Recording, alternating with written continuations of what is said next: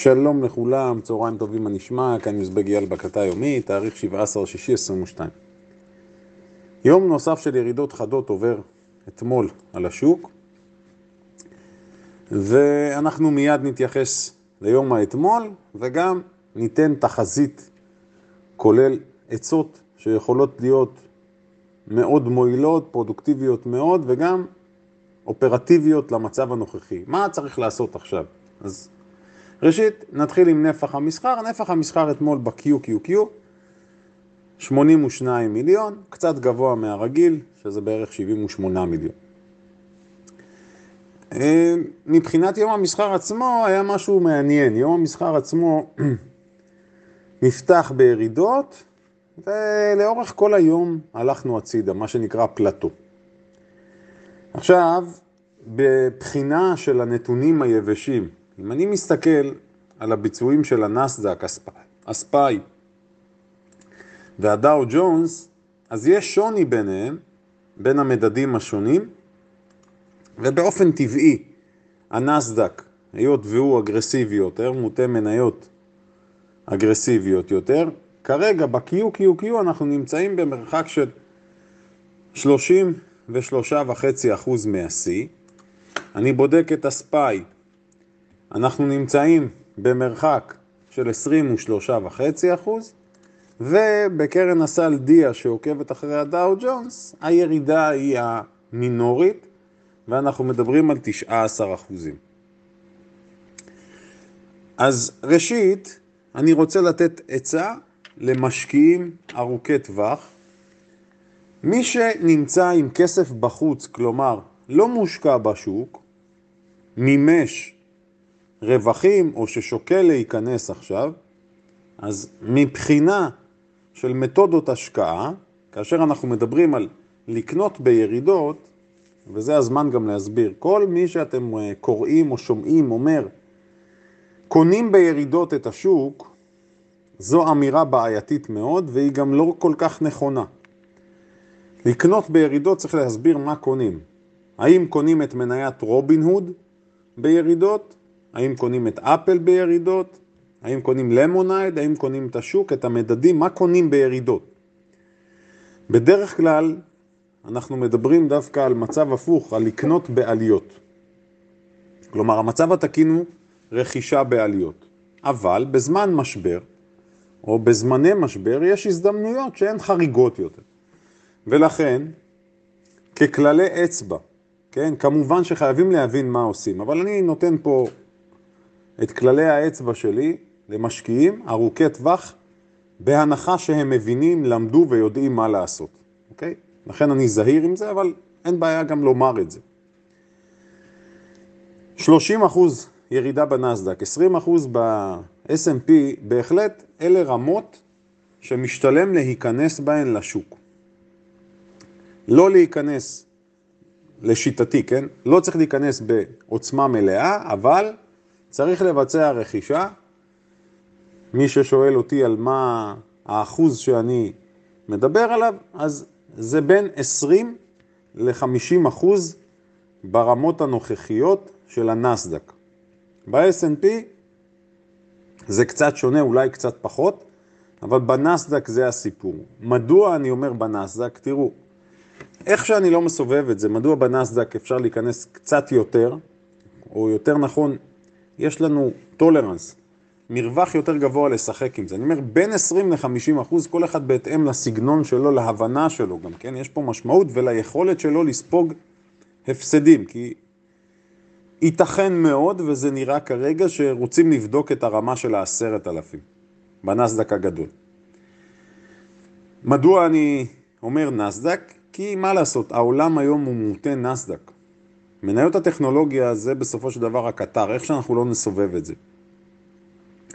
הרבה חברים שאלו אותי בפרטי, תגיד אייל, אפל, במצב הנוכחי שלה, שווה קנייה? אז שוב, זה עניין של תפיסת עולם. אפל רחוקה 29% עכשיו, היא נמצאת ב-130. אני זוכר את השיחות שהיו לי במאה ה-60, במאה ה-70, במאה ה-80 עם חברים שהרגישו שהיא בורחת להם. וכאשר הם שמעו אותי אומר שצריך לממש, לתפיסתי, זה היה נראה להם מוזר. וכמובן הם נתנו את הטיעון הידוע, וורן באפט מחזיק את אפל. בסדר, אז הוא מחזיק את אפל. עם כל הכבוד, ויש הרבה כבוד לוורן, הרבה ממה שהוא עושה גם לא עובר אצלי. אפרופו וורן באפט, תראו כמה שזה נחמד להשוות. הקרן, המניה שלו, סליחה, אתם יודעים, יש לו שתי מניות, המניה היקרה BRKA ו-BRKB. BRKB, שמכירה 268 דולר, רחוקה 26 אחוז מהשיא. זה בערך הממוצע בין הספאי וה-QQQ. זאת אומרת, בואו נשים את זה על השולחן. מי שרוצה לקנות את המניה של ברקשר האטווי, למעשה קונה איזשהו מיקס בין הנסדק לבין מדד ה-S&P 500. זה כל הסיפור. אה, תסובבו את זה, תקפיצו את זה, איך שאתם רוצים. תג'נגלו עם הנתונים, זה לא יוציא משהו אחר. נערבב, נערבב, נערבב בקופסה את כל הכדורים, זה מה שיוצא. ולכן להישען על תשואת העבר של וורן באפט לא רלוונטי לתקופתנו. אז מי שרוצה יכול לקנות גם את המניה של ברקשר האטווי, זה כמו לקנות את המיקס הזה, אמרתי, את הממוצע בין הספיי ל-QQQ. הלאה. עכשיו, מי שנמצא בפנים ומרגיש ככה טלטלה, ואני יודע שיש חברים שנמצאים באיזושהי טלטלה רגשית וגם אולי כספית, העצה מאוד פשוטה. שבו עם עצמכם, תסתכלו על ההחזקות בתיק, תחשבו מה הייתם קונים היום אם התיק שלכם היה נקי, אם בפורטפוליו לא היו מניות בכלל. ומפה תתחילו לעבוד. אחרי שתבחרו את המניות, קרנות וכולי, תגידו אוקיי, מה האלוקציה, כמה הייתי משקיע בכל אחד מהנכסים אצלי. ותתקדמו ותבצעו התאמות בתיק שלכם. אני שוב אומר, העצה באמת הכי טובה שלי זה ללמוד. לעשות את הדברים האלה לבד בעיניי זה הדבר הכי לא חכם שיש. ואני אספר לכם עוד משהו מעניין. הרבה מאוד מכם נמצאים איתי הרי בקשר, גם בקבוצות וגם באופן פרטי. ומצאתי את עצמי חוזר על משפט שלמאזין מהצד הוא נשמע נוראי. הרבה מהחברים כתבו לי שהם מופסדים עכשיו והתיק שלהם נמצא בסחרור. אין בעיה, הכל בסדר. ואחת השאלות, אוקיי, האם פעלתם כמו שצריך? אני שואל בדרך כלל ככה, האם למדתם? כן או לא? אם מישהו אומר למדתי, אוקיי, האם יישמת מה שלמדת, כן או לא? ואז מתקדמים בניסיון להבין ולעזור. חלק מהחברים שומעים ממני את התשובה, תקשיבו, ההפסד הזה זה הדבר הכי טוב שקרה לכם בחיים, במיוחד אם מדובר בחבר'ה הצעירים. עכשיו, אחד הדברים שמשמחים אותי מאוד, החבר'ה הצעירים אצלנו, יש פה אנשים מתחת לגיל 30, מתחת לגיל 28, מתחת לגיל 25, והם מבחינה פיננסית, ההתנהלות שלהם נכונה, חלקם קנו דירות כבר, בקיצור, חושבים בצורה נכונה, מחושבים, בעלי מקצועות טובים, עובדים, חרוצים, שזה מדהים. אז אני אומר להם, כן, ההפסד הזה זה הדבר הכי טוב שקרה לכם בחיים. כי אין כמו הלקח הזה. אין, הקיצורי דרך, העצלנות, זה לא מתאים למי שבוחר במקצוע הזה, ומי שרוצה להיות מעורב יותר או פחות, זה בסדר גמור גם להגיד, שמע, אני פחות מבין, אני אקנה רק את המדדים, או אני אתן למישהו אחר לנהל לי את הכסף, או שאני אשים את הכסף באיזושהי קרן אה, השתלמות, בקופת גמל, אולי פוליסת חיסכון, מצוין בעיניי. אוקיי? למה? כי לקח כזה, אתה זוכר אותו לכל החיים, ובסוף אנחנו מבינים שמדובר בכסף רק, ותודה לאל אפשר לשקם את המצב. הלאה. נקודה באה מאוד מעניינת, שוב אני רוצה לדבר פה אופרטיבית עכשיו. רבות אנחנו מדברים על הסיפור של הדלק, עוד מעט בהמשך ההקלטה אני אתייחס לנושאים מסביב, אה, נושאים שדיברנו עליהם השבוע והבטחתי שאתייחס. הסיפור של הנפט, דלק, אנרגיה, תראו, קורה משהו מאוד מאוד מעניין. אתמול ראינו שבתחילת היום המחיר של חבית נפט ירד, אה, נדמה לי שזה היה 112 דולרים, 113, ובסוף היום זה סיים בעלייה. אבל הדבר היפה, קרן הסל XLE ירדה אתמול כמעט 6 אחוזים. ואנחנו דיברנו על המימוש במחירי, במניות האנרגיה ובסקטור, אז ב-CI הגיע ל-93, ואתמול היא הגיעה ל-77.5. כלומר, אנחנו מדברים על 20 אחוז פלוס מינוס, וזה אולי קצת פחות, וזה יפה מאוד. כלומר, מהלך קצר בפרק זמן כזה זה יפה מאוד, למרות שהמחיר של החבית חזר לעלות. אז אה, הסברתי כבר מה דעתי, ועוד נקודה מעניינת, מי שיסתכל על מחירי החוזים העתידיים באתר של בורסת אה, שיקגו, CME, Chicago Mercantile Exchange, דיברנו על זה פעם, החוזים העתידיים מגלמים ירידה. כלומר, אם אני מסתכל על החוזה העתידי נניח שנה מהיום, למרות שהסחירות בו נמוכה, אבל בערך שנה מהיום אנחנו מדברים על מחיר שהוא נמוך מ-100 דולר. וזה נדיר בנושא הזה של החוזים. אמרנו, במצב רגיל, אנחנו רוצים שהחוזים, או מצפים שהחוזים הרחוקים יותר, ייסחרו במחיר גבוה, מה שנקרא קונטנגו. במצב הנוכחי שהם נסחרים נמוך יותר, זה נקרא backwardation, והשוק מתמחר ירידה. לא תמיד זה עובד, אבל זה בהחלט עוזר לנו להבין את הסיטואציה. ושוב אני מדגיש, מסחר והשקעות בסופו של דבר, אתה כל הזמן צריך ללמוד, להתפתח ולחפש נקודות חוזקה, רעיונות מסחר, וגם להגיע, מה שנקרא, לתובנות שלך בתור משקיע, בתור משקיעה. אגב, יש נשים רבות, וזה מבורך מאוד. חברות בקבוצות, מצטרפות לקורסים, זה יפה מאוד. עוד דבר מעניין, הוויקס לא עולה באותה עוצמה או בפרופורציות לירידה. כלומר, המשקיעים די רגועים למרות הכל, כי להבנתי הם מחכים שהפד יתערב איכשהו. זה סיפור מעניין מאוד. ועוד נקודה חשובה שהבטחתי לעצמי לדבר, רשמתי לעצמי יותר נכון, זה הסיפור של המטבעות. תראו, פערי הריביות האלה בין ישראל לארצות הברית דחפו את הדולר למעלה, גם היורו עולה קצת.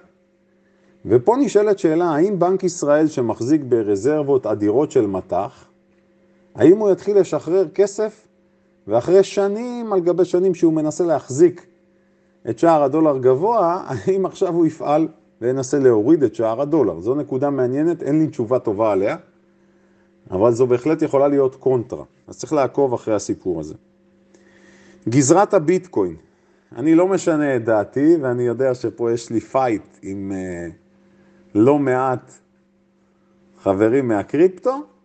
אני עדיין אומר, מבחינתי הוא חייב לשבור את רמת ה-20, הייתה נגיעה נוספת שם באזור ה-20, זה בסדר, כרגע הוא נח, הולך הצידה, אני לא רואה סרט שהוא לא שובר, היות ואמרתי, הספקולנטים פשוט חוגגים על האירוע הזה. אז כרגע הוא מתקבע באזור של ה-2021. נקודה חשובה בהיבט של הקריפטו. סיפרתי לכם, אה, אני מדבר בשוטף עם סוחרי קריפטו, משקיעים, וגם עם אחד האנשים כנראה שמנהל את הקהילה כנראה הכי גדולה בארץ, ו... ועוד, באמת, ועוד רבים וטובים. וסיפרתי לכם לא פעם על השיחות איתם, עם אותם חברים, כאשר אני אמרתי להם, וחלילה לא ממקום של יוהרה, אמרתי להם, תראו, אתם צעירים מדי. אני מדבר לחבר'ה, בואו נגיד, אזור ה-30 עד 30 ומטה, אולי אפילו 35 ומטה, אתם צעירים מדי, אתם לא חוויתם משברים, וזה בסדר שאתם מאוד מאמינים וכל כולכם אינטואיט, אבל ההיסטוריה והמציאות חזקה מכולנו. ואחת הטענות שלהם, שהיא טענה מעניינת, נכון, אני צעיר או צעירה, איך אמרה לי אחת הסוחרות? אני צעירה, זה נכון, אבל אני קוראת, יודעת, חוקרת, למדתי כל המשברים שהיו, עברתי על הכל, אמרתי לה, הכל טוב, הכל נחמד, עד שלא תחווי בעצמך, לא תביני. כנ"ל אחד החבר'ה שם, אמר, תקשיב אייל, אני מבין שאתה דואג, אני מבין שאתה מסתכל תמיד ברמת ניהול סיכונים, אבל הקריפטו זה לא מה שאתה חושב, הרגולטור מתערב, יש חוקים, יש פרה-רולינג. אמרתי לו, נפלא. חווית משברים בחיים שלך כלכליים? בעצמך? לא. אז רק מי שחווה משברים, בסופו של דבר יכול להבין עד הסוף מה שהולך פה. אני מחבר את זה לדבר נוסף, נושא נוסף שדיברתי עליו, ולצערי פה אני לא איש בשורות. אילון מאסק, דעתי לגביו ידועה. זה שהוא גאון, קונצנזוס מקיר לקיר. זה שהוא כל הזמן מוצא לו עניינים ונושאים להסתבך, גם זה קונצנזוס. הסיפור שלו לא ייגמר טוב. אני אומר את זה בצורה ברורה. מניסיון החיים שלי והניסיון שלי בשוק ההשקעות ובעולם ההשקעות, שוק המניות, סליחה, עולם ההשקעות, זה לא ייגמר טוב איתו. השם שלו צץ ביותר מדי אירועים, יותר מדי מוקדי אש. עכשיו מדברים על איזושהי תביעה, שלא משנה, כנראה שהיא תביעה קנטרנית, בנושא של הקריפטו והדודג'קוין, שטוענים שהוא הריץ את הדודג'קוין. אז מישהו תובע ממנו איזה 200 ומשהו מיליארד דולר, כאשר הוא אומר בשיא של הדודג'קוין, שווי המטבע הכולל היה 80 ומשהו מיליארד, והוא תובע כל מיני נזקים וסיפורים ועניינים. זה לא העניין. השם שלו מעורב פה, ועכשיו מעורב בעובדים של החברות שלו, שטוענים שההתנהגות שלו לא הולמת. בסוף, כאשר אתה מדליק כל כך הרבה מדורות, אתה תישרף, אתה תקבל את הקביעה שלך. כמה חזקה היא תהיה, אז הוא כבר קיבל כל מיני קביעות. תביעות, חקירות, קנסות. הבעיה שיש לזה השפעה ויכולה להיות לזה השפעה על המניות שהוא קשור אליהן, בראשן טסלה. לתשומת לבכם, לבכם סליחה, וגם מי שחושב שטסלה כרגע היא אטרקטיבית, יכול להיות, אבל גם תזכרו תמיד את הפרסונה, זה יכול לייצר זעזועים. נושא נוסף, הרבה חברים מדברים על הסיפור של יוקר המחיה ושכר מינימום, ואתם רואים שאנחנו גולשים למקומות האלה של הדיור, נושאים מה שנקרא שהם מלווים אותנו בחיי היום-יום, וזה מבורך בעיניי. כמה הערות חשובות. אני חושב שהעלאה של שכר המינימום במצב הנוכחי זה אחד הדברים הגרועים ביותר שיכולים לקרות למשק שלנו. למרות הטענה, ותקשיבו טוב, מצדדים בהעלאת שכר המינימום, טוענים עובדה ששכר המינימום עולה בשנים האחרונות והמשק לא נפגע. אבל להגיד את הטענה הזו, או לטעון טענה כזו, זו, זו טענה קצת מצחיקה. כי צריך להסתכל על שאר הגורמים. ומה עוד קרה בפרק הזמן הזה? ובפרק הזמן הזה קרו עוד תהליכים נוספים.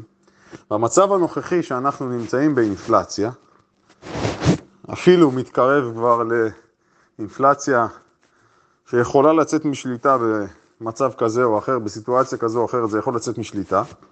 העלאת שכר המינימום תפגע באותם עובדים, כי והיה והשכר יעלה, חברות תיאלצנה לקצץ במשרות,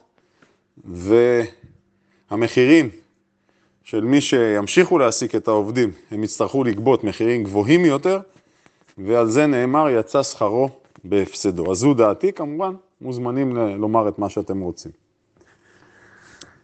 עוד נקודה חשובה, אני חושב שבישראל כרגע הבעיה של הדיור ויוקר המחיה היא קריטית. זה הגיע לרמה כזו, יותר ויותר אנשים, כולל חברים בקבוצות, מדברים על זה בצ...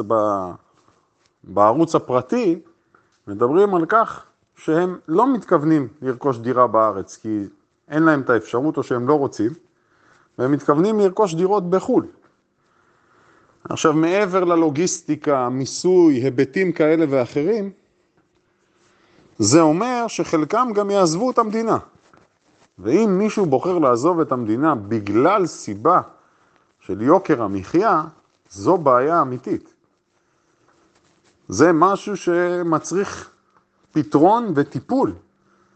זה, אי אפשר להגיד שזה שוליים של השוליים, לא. התחושה הזו מלווה הרבה מאוד אנשים. אין לי את המספרים המדויקים כמובן, כי פה אין לי נתונים להציג, אבל אני מקבל, אני חי את הרחוב, מה שנקרא. וזה סיפור משמעותי. אז בעניין הזה אני רוצה לדבר על התוכנית של מחיר למשתכן. אני חושב שזו תוכנית נפלאה. אמרתי את זה, ואחד החברים כתב לי תגובה מאוד יפה, והוא מנה רצף של בעיות בתוכנית. התוכנית הזו, אני בערך אומר את מה שהוא כתב. היא קודם כל מעורב באלמנט של הגרלות. מי שרוכש את הדירה, יכול להיות שהוא יקבל אותה רק עוד מספר שנים רב. מי שאין לו הון התחלתי, יכול להיות שהוא או שיסתבך, או שבלאו הכי לא יוכל לרכוש את הדירות. אין היגיון שבמרכז תהיה הטבה של, לא יודע, הוא רשם נדמה לי, 600, 700, 800 אלף שקל, ובפריפריה רק 200 אלף שקל. ועוד כהנה וכהנה סיבות. אמרתי לו, תשמע, מקבל את כל מה שאתה כותב פה. מדהים.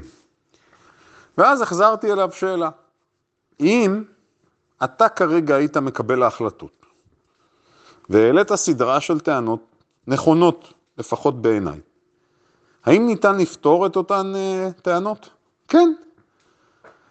ואז הגענו למסקנה יחד, שבהינתן שיפורים או תיקונים בתוכנית, זה יכול להיות דבר נפלא.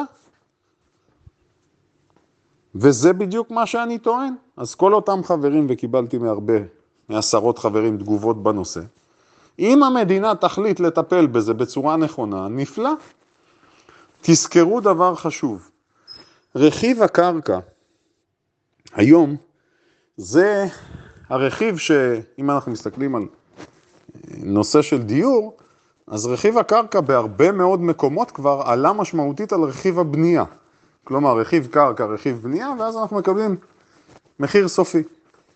וכל עוד שזה בשליטת המדינה, המדינה יכולה לעשות מה שהיא רוצה. בקטע טוב, לעזור.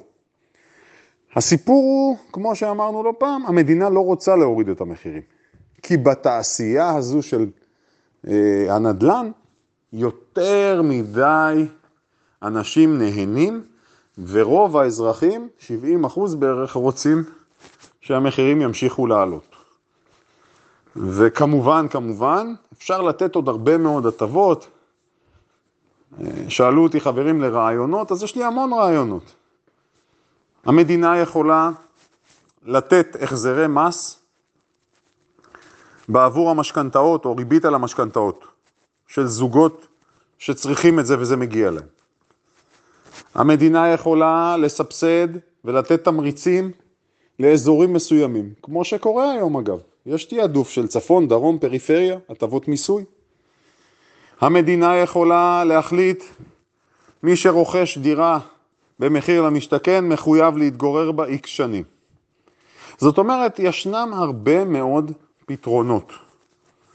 אז להגיד אין ואי אפשר, אני לא מקבל את זה. תמיד יש מה לעשות. ואני רוצה לסיים במשהו שקשור לנושא של המעבר שלנו לקבוצה אה, בתשלום בשבוע הבא. חשוב לי להסביר משהו. המעבר הזה מתבצע אחרי שנתיים של הקלטות יומיות. אני שלם איתו לחלוטין.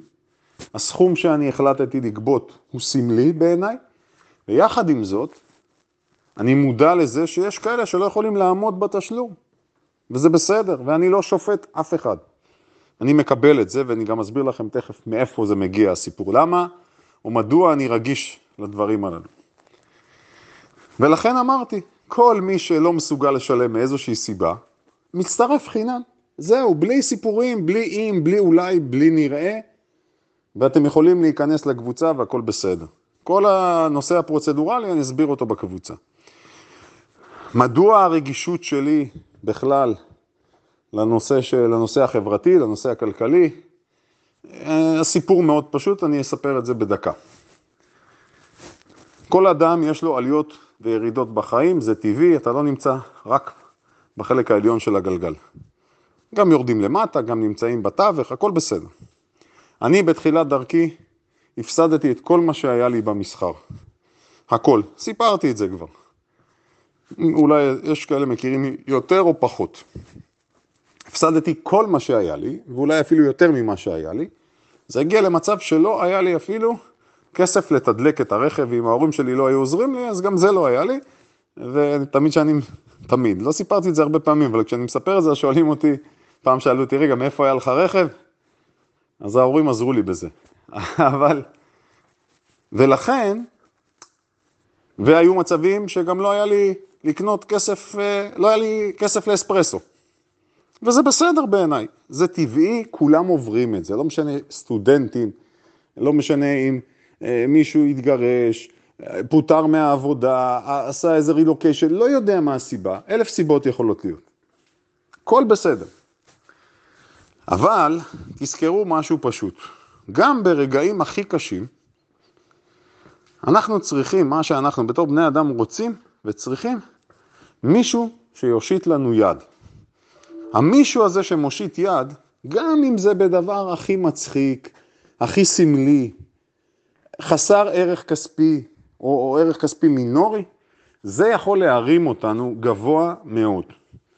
ומהיכרותי את נפש האדם, ואני מכיר אותה טוב, אני אומר לכם שזה ברור לי שאותה אחת או אותו אחד שמקשיבים להקלטה וזה נהפך למשהו מהסדר יום שלהם וזה נותן להם כמה דקות של שקט וזה מעניין אותם ומסקרן אותם, זה יכול לגרום להם להתנהל ביום יום בצורה יותר טובה. זה הסיפור, מפה זה מגיע. אין פה איזה משהו, איזושהי אסטרטגיה מטורפת, זה רגישות בעיניי. שיהיה לכולנו סופה שניים, שבת שלום, נשתמע בשבוע הבא, מסחר מוצלח ומהנה. מזכיר שביום שני אין מסחר, ולכן אנחנו יוצאים לסופש ארוך. בהצלחה.